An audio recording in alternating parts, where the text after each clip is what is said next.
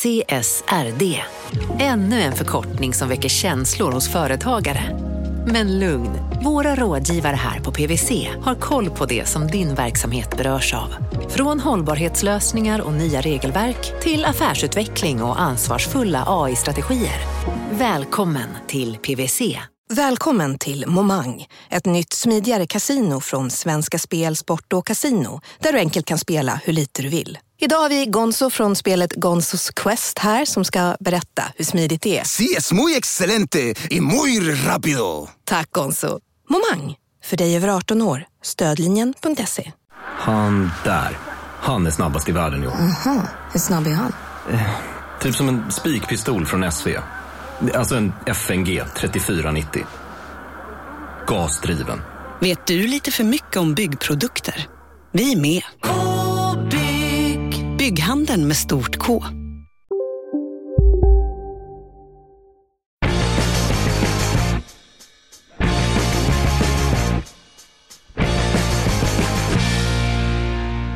Hej och välkomna till De kallar oss krypto. Är den brutalaste kryptokraschen på åtta år äntligen över? Eller kommer bitcoin och company att falla ännu lägre? Ja, oavsett vad som händer så är vi i De kallar oss krypto med er och håller er i handen både under hås och bäs. Jag heter Mårten Andersson som vanligt och vid min sida som vanligt sitter ekonomijournalisten Gunnar Harjus. Hej, hej! Hej Mårten, hur mår du? Du, jag känner mig eh, väldigt, väl, väldigt glad. Ja, vadå då? Eh, min familj åkte till Serbien.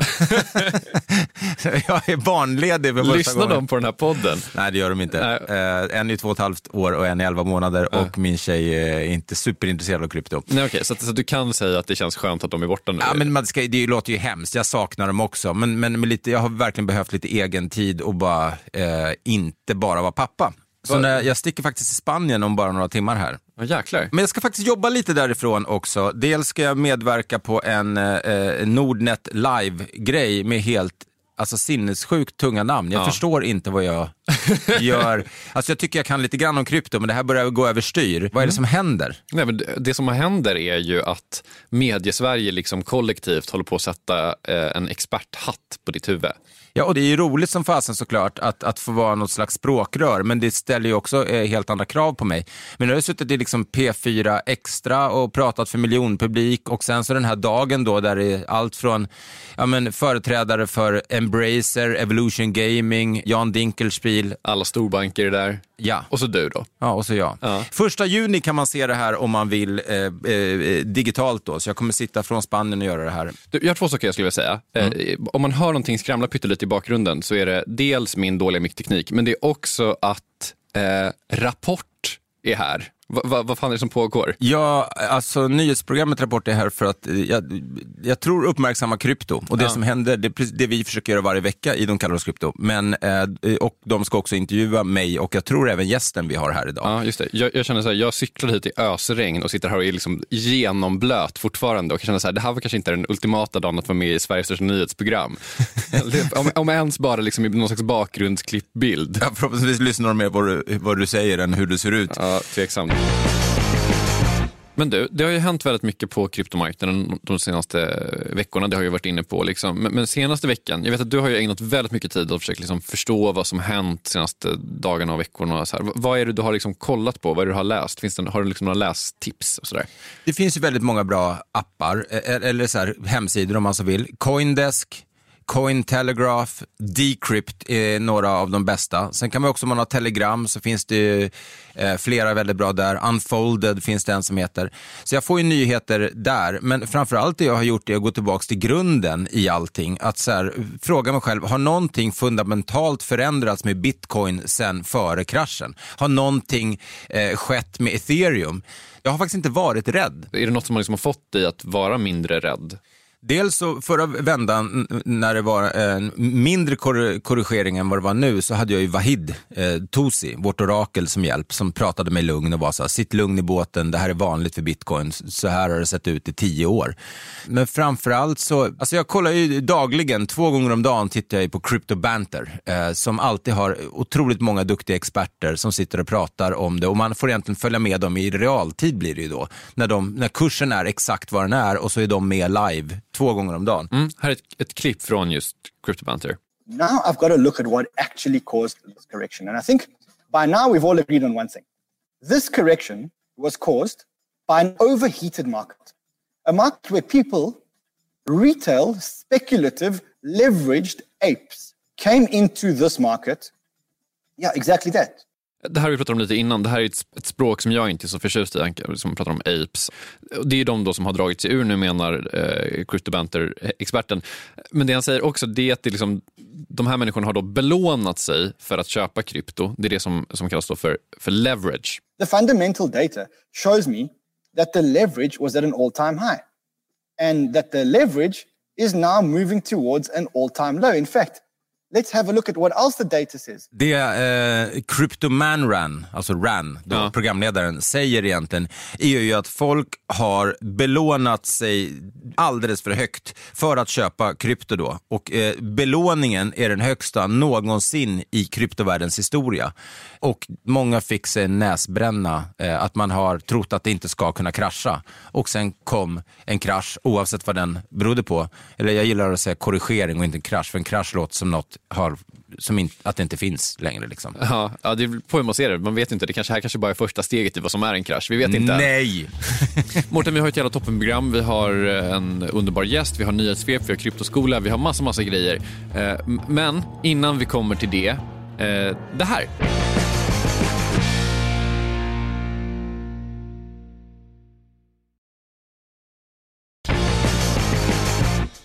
Som så ofta så har vi idag en fantastisk gäst. Och det är på tiden känner jag att vi kommer in på gaming, eller hur Gunnar? Ja, verkligen. Det finns ju jättemånga applikationer för blockkedjan och, och kryptovärlden och hela den grejen. Och gaming är ju liksom en, en, verkligen en stor eh, del Potentiellt skulle det kunna bli en väldigt stor. Men, men det här är ju ingenting jag ska prata om. Nu får vi presentera gästen. Ja, men jag tänker att det- som är så coolt är att Sverige har verkligen lyckats inom gamingsektorn. Det ser man ju även om man kollar på aktier och sådana som Verkligen. eh, Embracer och Evolution Gaming och så vidare. Eh, Men, eh, och, nu känns det då som att nu händer det även i kryptovärlden. Och det är massa spännande saker på gång. Bland annat då den här tjejens bolag. Hon är VD för spelstudion Antler Interactive som alltså då ligger bakom succéprojektet My Neighbor Alice. Ett spel som inte ens har släppts. Eh, det de har gjort är att de har släppt en token och när den släpptes gick den upp drygt 30 000 procent. Ja, ni hörde rätt. Eh, det är helt sjukt. Eh, så det här ska vi prata om och eh, var ett, ett spel som egentligen håller på på en blockkedja. Eh, blockkedja är, vad är det för skillnad på det mot ett vanligt och massa annat? Jag säger varmt välkommen hit till Anna Norrevik. Hej, tack så Hej. mycket. Vi kastar oss direkt in. Eh, berätta om projektet. Ja, My Neighbor Alice. Det är ju då ett eh, spelprojekt eh, som, eh, som släppte sin valuta i mars. Och själva spelet i sig, som så småningom kommer släppas, är ett så kallat kreativt socialt multiplayer byggarspel där man kommer kunna äga sin virtuella markbit på blockkedjan och eh, sen kunna dekorera den här eh, biten mark, kunna bjuda in vänner och hänga med.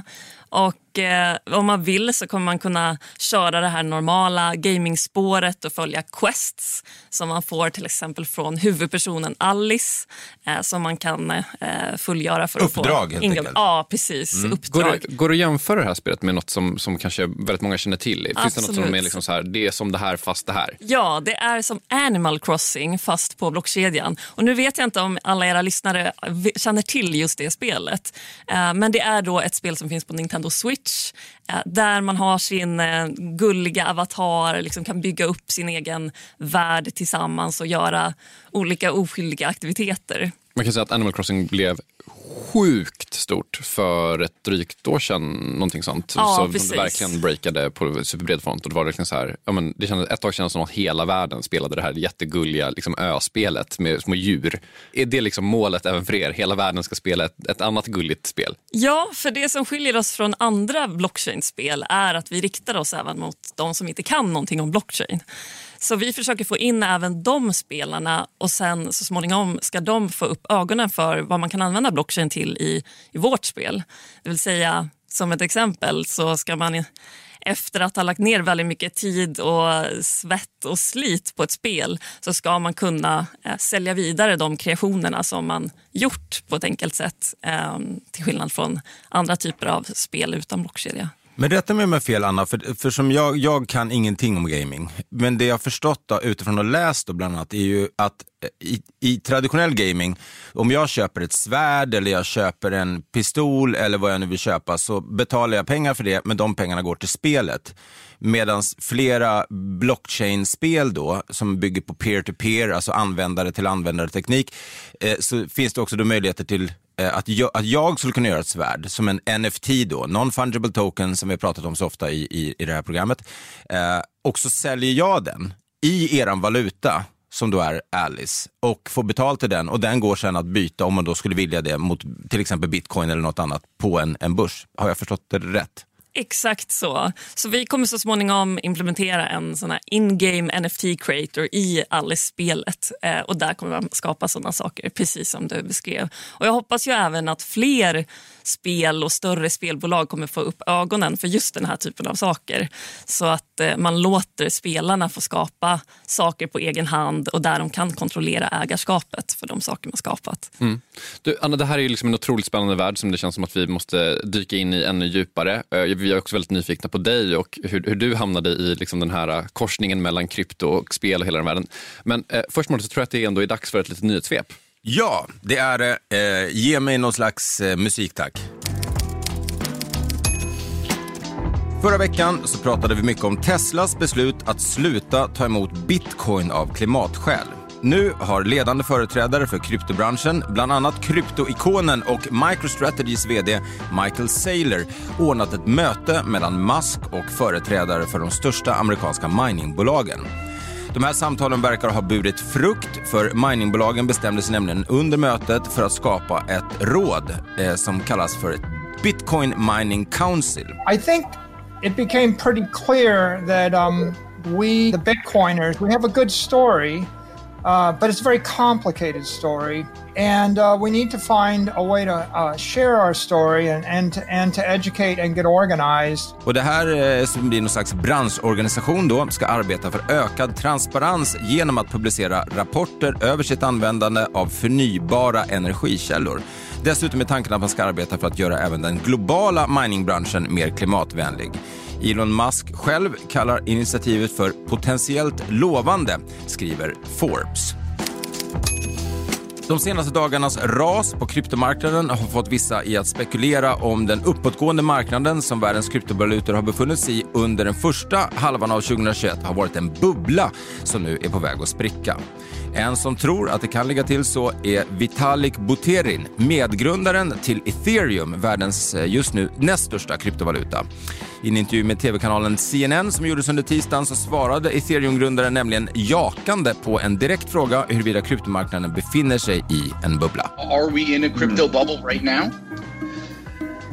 Um, again, I would say yes, but uh, again, that obviously does not come with a prediction of like when the bubble's going to end because that's notoriously hard to predict. I intervjun så kommenterar också ethereum-grundaren Elon Musks inflytande på kryptobranschen och det faktum att en enda tweet från Tesla-chefen kan få kryptomarknaden att gå såväl upp som ner.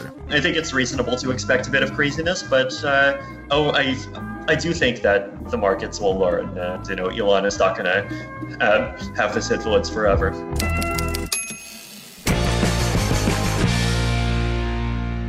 Ska vi vända oss och prata lite gaming här nu? Ja, får jag börja med att fråga, eh, eh, hur, hur började allt? Hur, hur kom du in i, i, på gaming och eh, i, specifikt då på My Neighbor Alice? Personligen så, så har jag alltid spelat ganska mycket spel sedan jag var liten och började nära en dröm om att leda spelföretag när jag var 14. Så allt jag gjort sedan dess har egentligen Wow. gått i den riktningen. Så när folk satt och, och vi- ville jag vet inte, bli kanske djurskötare. När folk satt och spottade och rökte cigg på ja, kastade snus i taket och du säger en dag ska jag bli vd för ett spelbolag. Var det så på riktigt? Exakt. Ja, Sjukt. Ja, eh, ja, men sjukt. Det har jag insett i efterhand när jag jämfört drömmar på det sättet. Eh, men allt som jag gjort sen dess har egentligen gått i den riktningen att jag vill ha både teknik och eh, spel och business-sidan i det jag gör. Så, så eh, efter att ha pluggat eh, ekonomi på Handel så så började jag på Paradox eh, som är ett eh, ja, större spelföretag i Stockholm här. Och eh, sen blev jag rekryterad som vd till Antler Interactive som 2018 hette Survive Studios och var inriktat på VR. Och, eh, företaget grundades 2016 av fem grundare och var från början då, eh, som sagt inriktat på VR. Man släppte två VR-produktioner och när jag kom in hade vi precis styrt om till augmented reality och mobil. Eh, vi experimenterade mycket med tech, tyckte det var kul att, se vad vi kunde göra för högkvalitativa spelproduktioner med olika former av new tech. Så Eh, ett spel som vi gjorde där snart inpå var ett som heter Crystal Kart AR som är ett mobilspel som liknar Mario Kart där man kan köra fyra spelare mot varandra. Och det var momentet första gången då vi doppade tårna i eh, blockchain-världen. För vi testade att lägga in eh, två funktioner som hade med eh, krypto att göra. Och den ena var att ägde man en eh, CryptoKitty på blockkedja eller på, i sin crypto-wallet så kunde man skriva in sin crypto-wallet-adress och få en gratis CryptoKitty-bil som man kunde köra med i det här spelet. Ska vi bara förtydliga, vad är CryptoKitties? CryptoKitties eh, var det första spelet eh, som dök upp på blockkedjorna och blev också det första och största eh, som, som många inom blockchainvärlden känner till. Det är ett spel där man digitalt föder upp katter eh, och köper och säljer katter. Så har man en katt kan man hitta en annan katt att eh, para med och sen kan man få nya ungar och eh, sälja vidare dem. Är det någon slags... Eh, alltså, det, det, det, målet med spelet är att föda upp så bra katter som möjligt? Eller? Exakt så. Ah, Okej. Och de här säljs för helt sinnessjuka pengar. Ja, jag tror att det var någon som hade sålts för 170 000 dollar. Det här är då NFT då, som Ja, det blir. precis. Så man kan säga att på samma sätt som man kan skriva in en valuta på blockkedjan, alltså att bitcoin eller ethereum ligger på, eller ether ligger på ethereum-blockkedjan, så kan man också skriva in Eh, liksom, nu finns det en bild här av en, en katt. Så man köper liksom ett ägandebevis av en unik katt då i det här fallet. Och det, det kopplade ni till ert Mario Kart-liknande spel. Exakt så. Så, att, eh, så ägde man en sån katt så gjorde vi en specialdesignad kattbil som såg ut som den katt man ägde på blockkedjan fast i bilform. Och det här älskade folk, antar jag. Ja, men det, var, det var ett experiment. Ja. Eh, och, och, och Sen gjorde vi en annan funktionalitet också där vi skapat några eh, mer custom-designade bilar som, som hette The Hodler eh, som ju är ett internskämt inom blockchain-världen och eh, To the Moon tror jag också en, en bil hette. Och de, vi la inte så mycket eh, energi egentligen på de här grejerna men vi ville se vad som, vad som fanns där ute och, och, och göra. Och vi blev förvånade när de här bilarna gick åt ganska snabbt. Eh, sen, sen tror jag inte vi har någon mätdata på hur många som använder CryptoKitty-funktionaliteten. Men bilarna som vi, eh, som vi skapade, de, eh, de gick åt. Men hur funkar det? eh, eh, Ni har alltså släppt er token, alltså valutan Alice är släppt före själva spelet. Är inte det lite omvänt konstigt? Eller? Jo, det är väldigt ovanligt inom eh, spelbranschen. Normalt det är som att man ska köpa bensin före man köper bilen. Ja, ja, men på ett sätt. Och Då kan man ju undra var, var, var det värdet kommer ifrån. Eh, För ni gick upp alltså 33 000 procent från lansering. Ja, Vi måste ändå fråga, vad, vad, vad, tänkte du då? Som förmodligen har några sådana här. Ja, det var ju ingen som hade kunnat vänta sig det. Och jag, ja, jag tänkte bara wow. Ehm, det här ger oss enorma möjligheter att ta det här spelet till, till en nivå som vi faktiskt vill ta Ja. det till. Ska vi bara ta från det här Mario Kart-liknande spelet där ni liksom doppade tårna i kryptovärlden och liksom korsningen mellan krypto och hur, hur, hur tog ni det sen vidare till eh, det som blir My Neighbor Alice? Mm, jättebra fråga. Så efter det så stötte vi på Chromaway som var ett blockchainföretag i Stockholm som satt på samma kontorshotell som vi gjorde. Så vi sprang på varandra i korridorerna och eh, vid något tillfälle så pratade vi om eh, vad, vad deras nästa steg är. Och De var intresserade av gaming eh, och ville in där men hade ingen spelexpertis in-house eh, hos sig än. Så därför blev de intresserade av att köpa upp oss. Och de har sin egen, egen blockkedja som heter Chromia. Så eh, i slutet av 2019 köpte de upp Antler Interactive och sen dess började vi spåna på vad vi kunde göra tillsammans.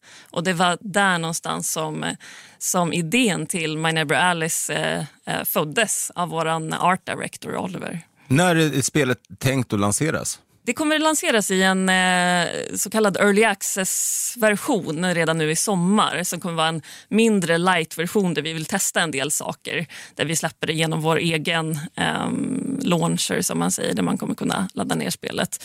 Men sen vår större release ser vi som eh, den, den version som kommer släppas i Q1 2022. Så en bit kvar. Vi var inne lite på det här innan nyhetssvepet, men liksom, hur fan funkar det här? V- vad menar ni med liksom att ni har ett spel på en, krypt- på liksom en blockkedja? V- vad är det det betyder? Liksom? Ja, det betyder eh, en del olika saker faktiskt. Så dels är det eh, att, eh, att de här NFT-erna, alla NFT i spelet sparas på eh, Chromias blockkedja. Eh, så att ja, så ägarskapet ligger där, ett, ett riktigt ägarskap av det man har i spelet. Okej, så att säga att jag har, jag har liksom min avatar då i spelet och sen så bygger jag ett hus och har en liten trädgård. Då är liksom mina rosbuskar, är de unika då liksom i trädgården? Ja, de kan vara unika i alla fall. Det kan ju vara att det finns en limited amount av en, en, eh, en rosbuske. Så Ja. att det finns 100 rosbuskar. Och det kommer även finnas vissa nft som vi faktiskt gör väldigt många exempel av som, som ska finnas för alla. Men sen kommer det finnas de, att man kanske skapar sin egen rosbuske som ser ut på ett väldigt speciellt sätt som, man, som bara finns en av. Man skulle i praktiken kunna odla en egen digital blomma eh, som blir en buske och som man sen säljer frön av. Mm. Alltså om vi verkligen ska hårdra det.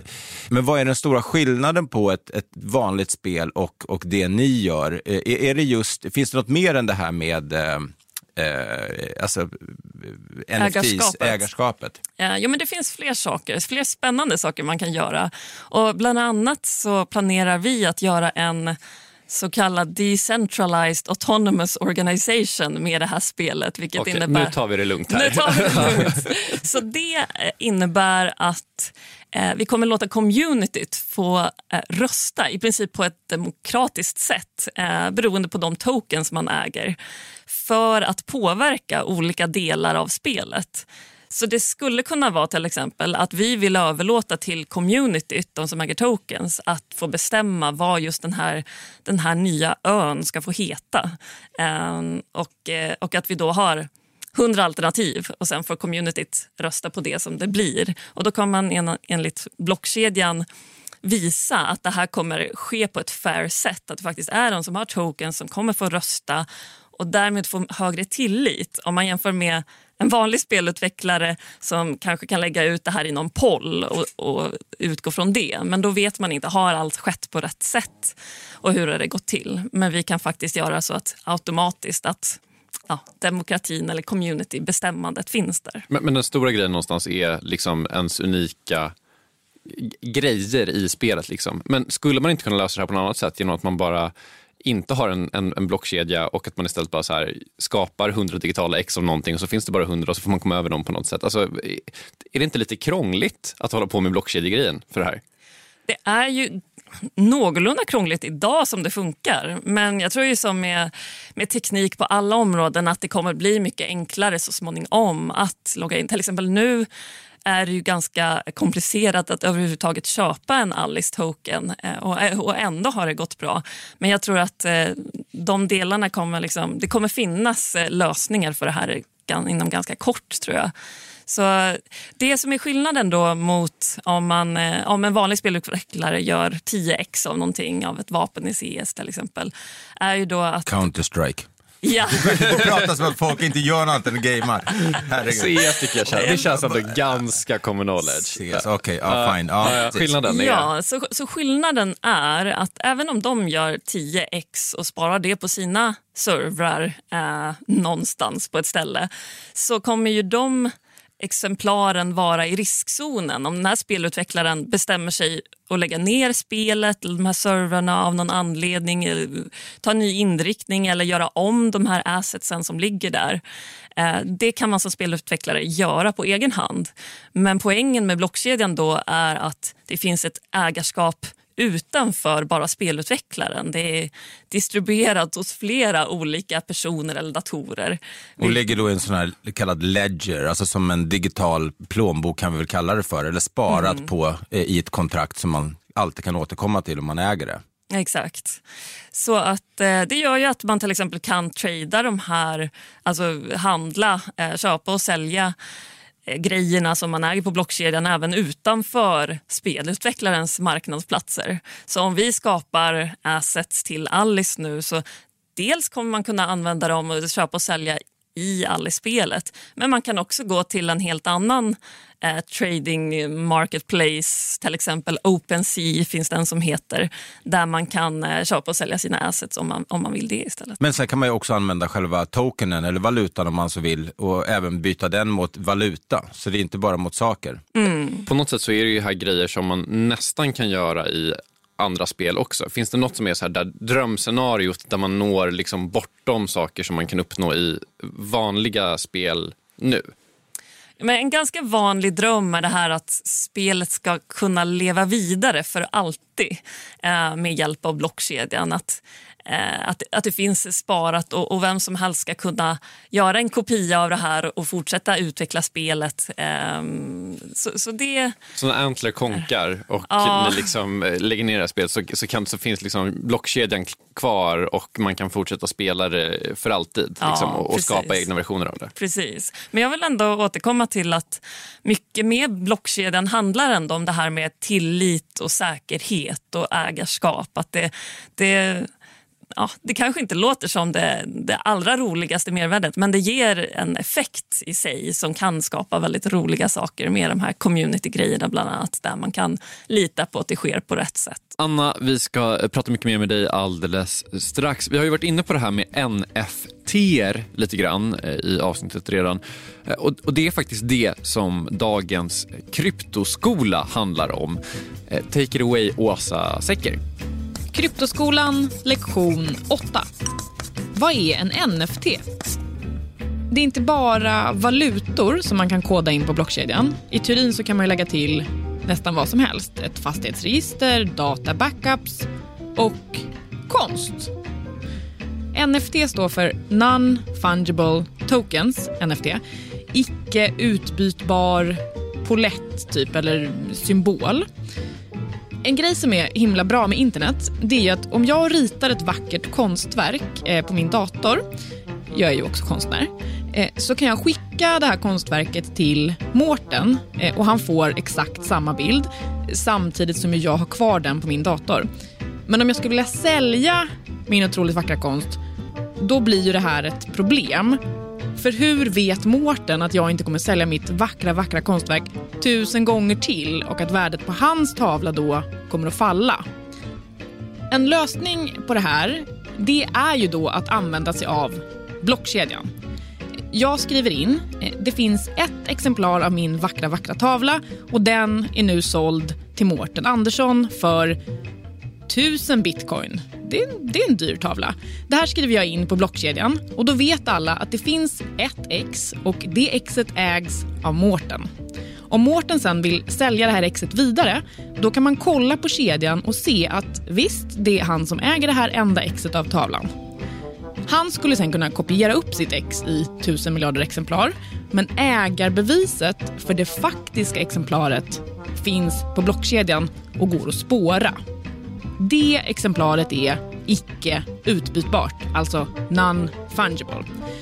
Det här ställer ju massa filosofiska frågor kring vad äkthet egentligen är. Men så länge marknaden är överens om att det finns ett värde på ägarbeviset så går det ju att argumentera för att det faktiskt finns ett värde. Idag kan man köpa massor av olika sorters NFT, allt från digitala samlarkort till musik till bildkonst. Det dyraste NFT-verket, konstnären Beeples Every Days the first 5000 days, såldes tidigare år för, ja, en halv miljard kronor. The Christie's auction for digital artist Beeple uh, coming to a close a few moments ago. Uh, the final bid $69 million. Oh my gosh. Uh, as of six months ago, Beeple had yet to sell any work. En sak som många skapare av NFT eh, tycker är himla bra är att man kan skriva in en vidareförsäljningsklausul i kontraktet. Eh, det skulle då betyda att om till exempel Mårten då vill sälja min vackra, vackra tavla vidare så skulle jag, om det står i det här kontraktet, kunna få 10% av den köpeskillingen.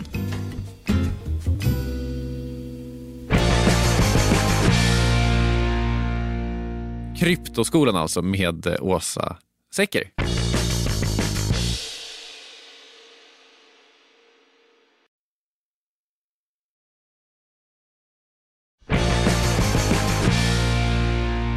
Men men hur, hur tror ni att ni klarar konkurrensen? För eh, det finns ju liknande exempel eh, just på Chrome. Jag vet ju att eh, eh det är väl Atari som har gått in och köpt eh, alltså spelföretaget Atari som har gått in och köpt mark eh, någonstans. Det är väl säkert kanske inte på Chromia för det är väl en blockchain. Mm, kan vara Sandbox eller Decentraland. Decentraland, tack. Mm, mm. Eh, eh, så har ju de då köpt det, de ska bygga ett kasino. Alltså de ska bygga, Atari ska bygga ett Las Vegas i det spelet. Och jag vet flera, våran, vårat orakel Wahid Tosi, eh, han är ju med i ett kollektiv som heter Ghostbusters och har jobbat med ett spel eh, och där också finns en, en eh, valuta som heter TLM. Eh, och där är det också så att man stejkar och, och massa sånt. Eh, alltså, det, det känns, och där är det sex planeter som alla har sitt eget ekosystem. Och, alltså, hur många sådana här spel kommer det finnas eh, utrymme för i, i konkurrensen? Och, och hur ska ni liksom eh, ta er vinnande ur den striden? Mm, det finns ju säkert fler spel just nu än vad som kommer överleva så småningom. Eh, och jag tror att det som, det som vi gör som är annorlunda är att vi, eller det, de förutsättningar vi har är att vi kommer ändå från spel en, en spelbakgrund det som är hur ska man säga, fokuserad på att göra spel som är roliga och som användare vill vara i. Eh, Medan jag tror många andra projekt kommer mer från blockchain-sidan och, och kanske inte liksom, försöker få tag på spelkompetensen för att göra den typen av roliga spel. Så vi vill ju, hit, alltså, vi vill ju nå till en, till en så bred publik som möjligt med det här, inte bara blockchain-community. Men i spelet så skulle det kunna, nu tänker jag bara högt här, eh, men det skulle kunna vara i det här spelet att ni hade gjort en deal med 7-Eleven och man går in i spelet och kan till och med beställa saker som sen kommer hem till dig fysiskt. Eller att du, det finns NFTs att köpa där inne som är någonting som de har släppt. Eh, de säljer tacos eh, och så är det, de tacosarna är någonting som sen kommer ha ett värde i, alltså det är egentligen o, o, oändliga möjligheter väl? Ja, jag tycker det är jättekul med de här samarbetena som man kan skapa. Att det blir mycket lättare att samarbeta med alla andra som ligger på blockkedjan. För precis som det här med att vi kunde läsa av CryptoKitties blockkedja. På samma sätt eh, kommer ju folk kunna läsa av Alice blockkedja också använda Alice karaktärer i sina spel. Och... Skulle jag och Gunnar till exempel kunna gå in på er på, i Alice och bara lägga till grejer i spelet? Så kan det väl inte funka? Eh, jo, men eh, om du tänker att skapa egna NFT till exempel, det kommer man kunna eh, göra så småningom i Alice. Och även om ni då skapar ett, e-, ert egna spel som vill använda er av Alice, så ja, om ni, om ni rent tekniskt eh, vet hur ni ska göra så, så bör det vara möjligt. Men hur försvarar man spelets organ, eh, alltså originaltänk då? Är det inte, om, vi, om era karaktärer börjar dyka upp i, i ett spel som kanske inte ni alls står för? Eller att CryptoKitties hade känt sig, men vänta, vad gör ni med våra grejer? Ja, det blir en mer öppen värld på det sättet. Men jag tror ändå att det kan vara en positiv grej att man faktiskt kan ha, skapa det här metaverset eh, där många olika brands och samarbeten kommer till. Eh, det finns förstås en risk att liksom, det används på fel sätt men ja, det, det känns som det finns i, i många världar. Mm. Men okej, nu har vi pratat ganska mycket om så här, möjligheterna och, och så här, coola grejer som man kan göra och kommer kunna göra. Finns det något som är så här, det här är just nu verkligen en nackdel för blockkedjespel som gör det, typ, menar, det är svårare att jag kan inte om spel, men programmera dem eller det är svårare att skapa dem eller det blir sämre upplevelse på något sätt. En, en så filosofisk fråga eh, vad gäller alla spel med eh, markbitar som man kan köpa eller sälja. Det är det här, hur vet man hur mycket mark som finns totalt? Alltså kan man lita på att spelutvecklaren inte släpper mer och mer mark och kartor till ett spel? Ja, för det skulle då devalvera värdet på ens köp. Det kan man ju tänka sig, precis. Um, så, så, så, det är en utmaning man får eh, Eh, fundera en del på. Och Det kan vara att man skriver i Liksom när, man, när man gör blockchain-projekt och skriver ett sånt här white paper, eh, beskriver vad projektet ska innehålla. Att man kanske skriver in där vad eh, hur mycket mark det ska vara och så. Men där kommer man tillbaka till ett annat tillitsproblem och vi vill ju lösa tillitsproblemen på de flesta eh, delar med blockkedjan. Så, så liksom när man decentraliserar någonting och liksom släpper det till communityt så innebär det också att man sätter projektet lite i communityts händer och det är väl på gott och ont antar jag. Mm, precis. Och man kan ju välja där. Vi tänker med den här DAOen, alltså den här community councilen som vi kallar det i, i Alice, att vi, eh, vi måste designa beslut eh, som vi tycker är rimliga också att fatta beslut om. Till exempel det här med att namnge olika eh, öar i spelet. Alltså det känns som ett, ett rimligt eh, beslut som vi kan överlåta till communityt. Eh, det kanske är svårare att till exempel överlåta vilken är nästa feature som vi ska jobba på eller så här, hur många utvecklare ska jobba på projektet. Saker som går in mer i spelutvecklingen i sig. Men, eh, men jag tror att det, det gäller där att börja någonstans med att ge kontroll till communityt och att då är det viktigt att vi tänker igenom så vilken typ av makt ska communityt börja med att få. Vi har varit inne på valutan lite grann, men, men liksom, först och främst, varför behövs det en valuta i, i det här projektet överhuvudtaget? Jo, men det är ju för att ge makten till spelarna. Att, eh, att överlåta mer kontroll till dem så att de kan göra vad de vill med sina assets. Vi kommer ha en till valuta i spelet eh, som, eh, som gör att det inte fluktuerar så mycket i pris när Alice-valutan går upp och ner precis som många andra kryptovalutor. Eh, så att det finns någon slags stabilitet där i alla fall men att man lätt ska kunna eh, köpa och sälja med hjälp av Alice. Och, och, och ni släppte den här då innan, eh, ganska långt innan spelet släpptes? Ja, 15 mars. Ja, och, och, och då den bara stack i höjden. Alltså, baserat på vad, undrar jag lite? Mm. Det är en bra fråga. Mycket handlar säkert om förväntningar inför liksom, det här projektet. Eh, och dessutom så kan man eh, stejka? Jag vet inte om ni pratat om staking tidigare i... i... Vi har nämnt staking. Vill du förklara staking? Staking kan ju se ut på lite olika sätt då, men det kan bland annat vara om man tror till exempel att en valuta, vi säger bitcoin för enkelhetens skull, att den kommer trada sideways, att den inte kommer gå upp eller ner utan den ligger och liksom sådär. Då kan man till exempel eh, farma den eller stejka den och få egentligen ränta, precis som på ett bankkonto förr i tiden när man faktiskt fick räntor på bankkonto konto, vilket man inte får idag. Men då får du helt enkelt, du kan få 5% 10% du kan liksom få 100-250% på vissa ställen beroende på vilken valuta det är. Som Rent tekniskt stakar. lånar du ut den, kan ja, man väl säga. du låser den eh, ja. då. Och det var det, när vi pratade om SafeMoon, ja, att man inte behöver låsa den. Men i de flesta fall så är det det man får betalt för i ränta är för att man, man låser den. Så att du, du har pengarna på kontot men du kan inte använda dem just då för du har lånat ut dem och så kommer du få tillbaka dem med ränta. Liksom. Mm, och, och, och, det här kan man göra då med Alice-valutan också? Det här också. kan man göra med Alice och eh, man kan också eh, Eh, från och med imorgon så kommer man kunna stejka Alice-valutan för att ha en chans att vinna eh, möjligheten att köpa en bit mark. Eh, de första markbitarna som vi säljer till spelet de kommer alltså släppas om två veckor. Så de som har lagt in sina Alice eh, i, för staking, de kommer få eh, lotteri eh, tickets kan man säga. Och sen så kommer de ha möjlighet att köpa in sig. Men, och vad tror ni att det kommer byggas på de här? För att om jag, om jag skulle köpa ett land, om jag lustigt gör med i lotteriet och jag vinner en bit land, eh, som jag väljer att kalla för Småland eller något sånt där. Eh, det, kan jag bygga vad jag vill där då?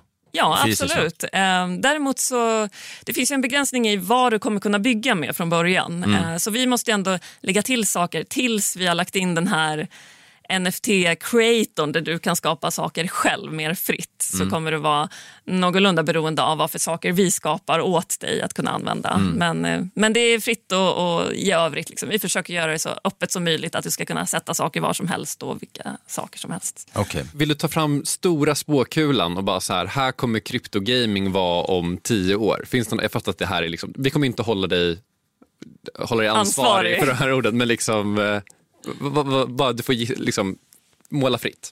Mm, jag hoppas ju verkligen att eh, de stora företagen eh, kommer inse att det finns fördelar av att ge bort eh, viss kontroll till communityt. Så om man tänker till exempel CS och, och Valve som står bakom CS så skulle ju ett exempel kunna vara att låta Eh, låta community få skapa sina egna vapen på blockkedjan och att, och att låta det gå fritt, att man ska kunna sälja och köpa dem hur som helst. Sen, eh, sen är det ju det här övergripande med metaverset. Hur kommer det blandas in med spel och inte? Det är jättemånga som håller på att bygga på ett, en värld, alltså digital värld där man ska kunna göra vad som helst. Vissa gör det här i VR, vissa gör det i AR och, och vissa gör det ja, på andra sätt. Um, och, och låt säga att man skapar en en app eller liknande som ingår i telefonen där man kan rikta telefonen mot en byggnad och så ser man en, en ad där. Ehm, Man fotar ett hus eller filmar ett hus och då ser man en annons på ja, det huset. exakt. Och jag tänker att spel kan komma in i den världen på så sätt att blir den här digitala världen en del av vår vanliga värld så kommer även spel kunna eh, involveras där på olika sätt och kunna man kan äga olika saker och få poäng och grejer i den här digitala världen. Så ja, vart den nu hamnar så. Ja. När My Neighbor Alice väl, väl kommer, kommer vi ha möjlighet att bygga någon slags poddstudio och podda i den här världen? Det kan vi se till. Yes, fan, Då ses vi där. Då ses vi där. Ja. Anna, tack så hemskt mycket för att du kom hit. Och, eh, Tack för och, att jag fick vara här. Ja, jätteroligt. Och stort lycka till när ni väl eh, släpper spelet. Mm, tack.